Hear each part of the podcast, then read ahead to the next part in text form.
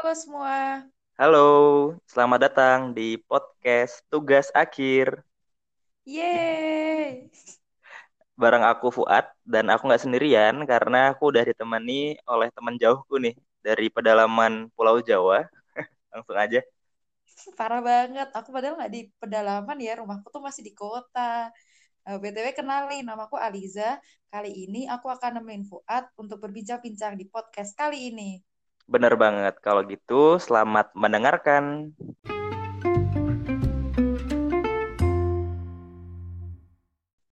BTW Eza, kabar Magelang gimana nih? Dengar-dengar Supreme Magelang mau comeback ya?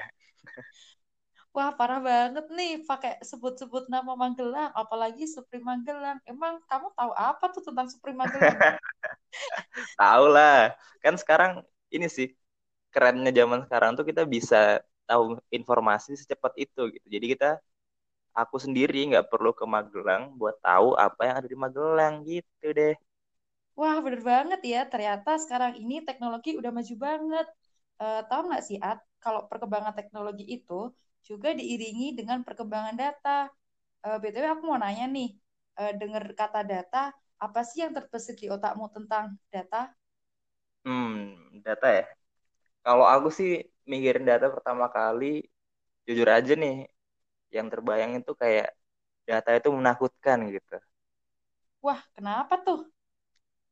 Soalnya tuh Zah, kan kita sekarang lagi di era teknologi digital gitu. Dan apa-apa kita kan perlu misalnya sosial media gitu. Misalnya kita bikin akun Instagram, akun Facebook, itu kan juga kita menulis atau uh, mengisi data pribadi kita di sana kan untuk mendaftar.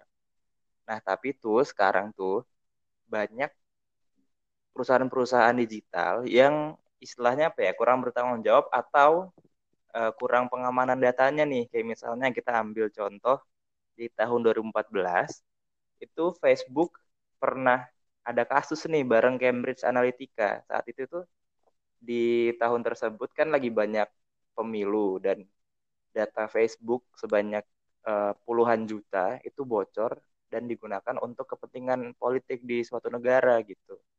Dan yang terbaru-baru ini kita juga pernah dengar nih Tokopedia kan kemarin sempat kebobolan nih datanya dan dijual di dark web gitu oleh uh, orang yang nggak bertanggung jawab. Jadi dari hal tersebut menurutku data itu hal yang menyeramkan sih Zah.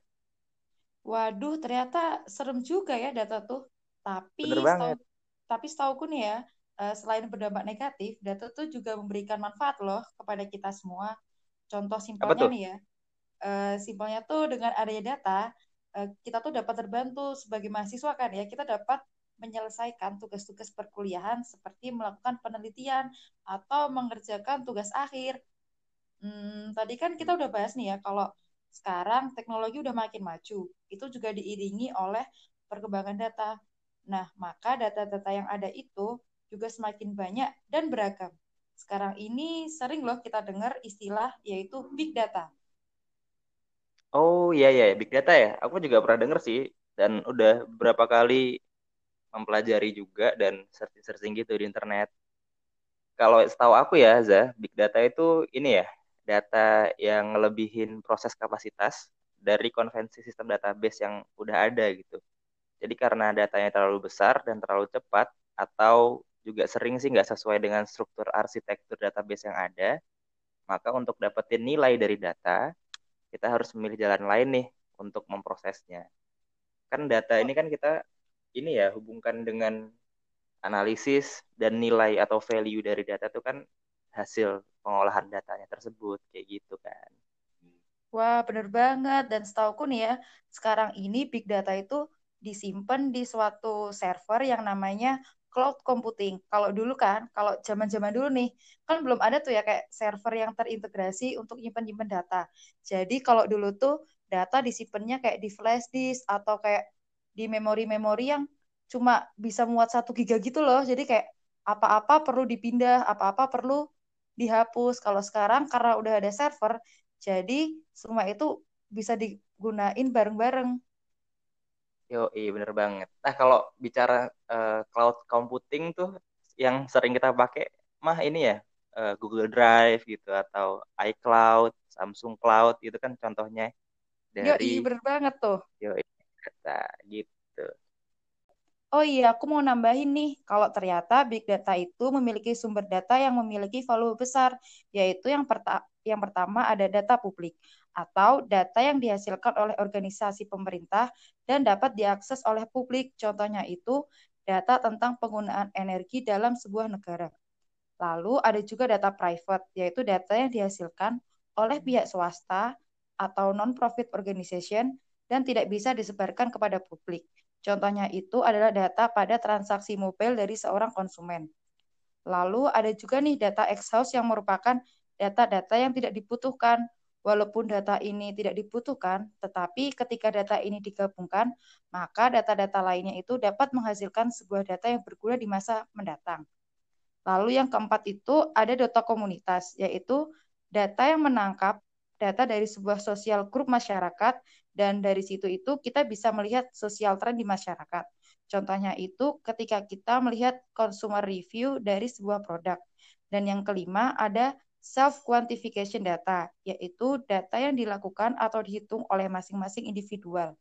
Contohnya itu eh, ketika kita menggunakan handphone untuk mengukur seberapa jauh kita berlari, lalu kita mengunggahnya ke sosial media Hmm, hal ini tuh dapat dijadikan sebuah data yang dapat kita lacak kemudian hari.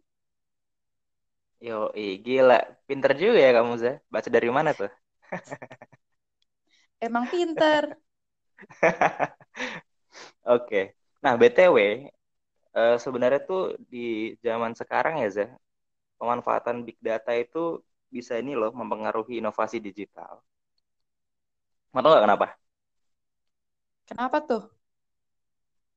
soalnya tuh sekarang tuh uh, sebenarnya nggak zaman tuh kalau bisnis tuh hanya menarget fokus grup kecil dan demografi umum untuk memperkirakan aktivitas pasar sasarannya. Nah, untuk zaman sekarang tuh perusahaan yang modern biasanya itu udah dapat mengakses informasi spesifik, misalnya tentang karyawan atau pelanggan uh, dalam upaya untuk melakukan pemasaran dan penjualannya itu. Nah, peran big data di situ sangat penting itu za untuk membantu kinerja bisnis dalam menyelesaikan hampir setiap masalah dengan solusi yang didorong oleh penelitian dan data yang luas atau banyak gitu.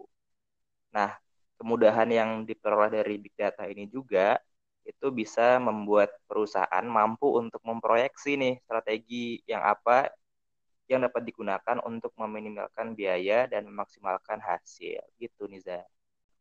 Wah, ternyata benar ya big data itu juga memberikan manfaat uh, selain yang kamu sebutin tadi tuh At, aku juga tahu beberapa nih manfaat dari analisis big data untuk proses inovasi digital.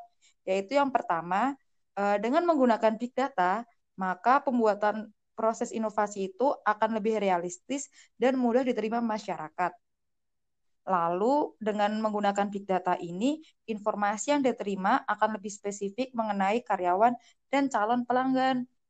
Karena kita menggunakan big data juga nih, maka keputusan dari laporan yang diterima itu akan lebih mudah dipertanggungjawabkan karena datanya itu data dari real yang ada di pasar.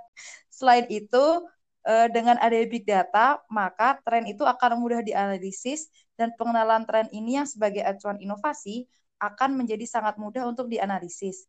Lalu dengan menggunakan big data akan mengurangi biaya research and development karena big data ini lebih mudah diakses dari beberapa sumber sehingga kita tidak perlu lagi nih ngeluarin biaya lebih untuk terjun ke lapangan secara langsung. Oh, maksudnya terjun tuh kayak survei itu udah nggak perlu lagi ya berarti ya? Iya, karena apa-apa kita bisa cari kayak di internet gitu loh, nggak harus aku nih jauh-jauh ke tempatmu ke Kalimantan untuk mencari data di sana. Hmm, oke okay, oke, okay. I see, I see. Nah, tapi itu kan nggak mungkin sebuah teknologi tanpa uh, apa ya kecacatan gitu. Kayak yang tadi aku bilang di awal sebenarnya tantangan dari big data ini atau data itu kan yang paling sering kita dengar kan tentang privacy ya yang tadi aku sebutin ada beberapa perusahaan yang istilahnya kecolongan gitu dalam mengatur privacy penggunanya gitu. Nah kalau dari segi perusahaan yang manfaatkan uh, big data ini tantangannya itu lebih ke aksesnya sih akses terhadap data karena data-data yang lama itu memiliki tipe yang berbeda-beda sehingga sulit untuk diakses. Sedangkan data yang baru itu biasanya itu perlu perlu izin untuk uh, mengaksesnya karena ada lisensi di sana yang mengatur data tersebut kayak gitu za. Nah btw kita udah banyak banget nih ngomongin big data, udah lama juga. Kayaknya kita udah harus uh, nutup nih za buat podcast kali ini. Wah, padahal tadi kita ngobrolnya seru banget ya ngomongin seru big banget. data, mulai dari sumber big data, terus ada manfaat sampai ke tantangannya. Bener banget. Nah, uh, buat teman-teman yang pengen tahu lebih dalam tentang big data, sebenarnya sih banyak literatur yang bisa kalian baca di internet maupun di buku. Cuma kalau kalian berkenan, silahkan uh, kunjungi website kami ya. Kita juga punya website nih, blogspot sih bentuknya, cuma ya oke okay lah ya. Bisa ya. kunjungi di tugas akhir sim 2020.blogspot.com. Yo, iya bener banget. Nah, oke. Okay uh, itu aja mungkin yang bisa kita sampaikan ya. Terima kasih buat teman-teman yang udah dengerin sampai akhir. Dan kita juga mau minta maaf misalnya ada kesalahan karena ini baru podcast pertama gitu ya nggak sih Zah? Iya masih newbie banget nih. newbie. Oke deh. Sekian dari aku. Sekian buat... juga. Sekian juga dari aku. Aliza. Kita undur diri ya. Yeay. Dadah semua. Bye bye all. Bye bye.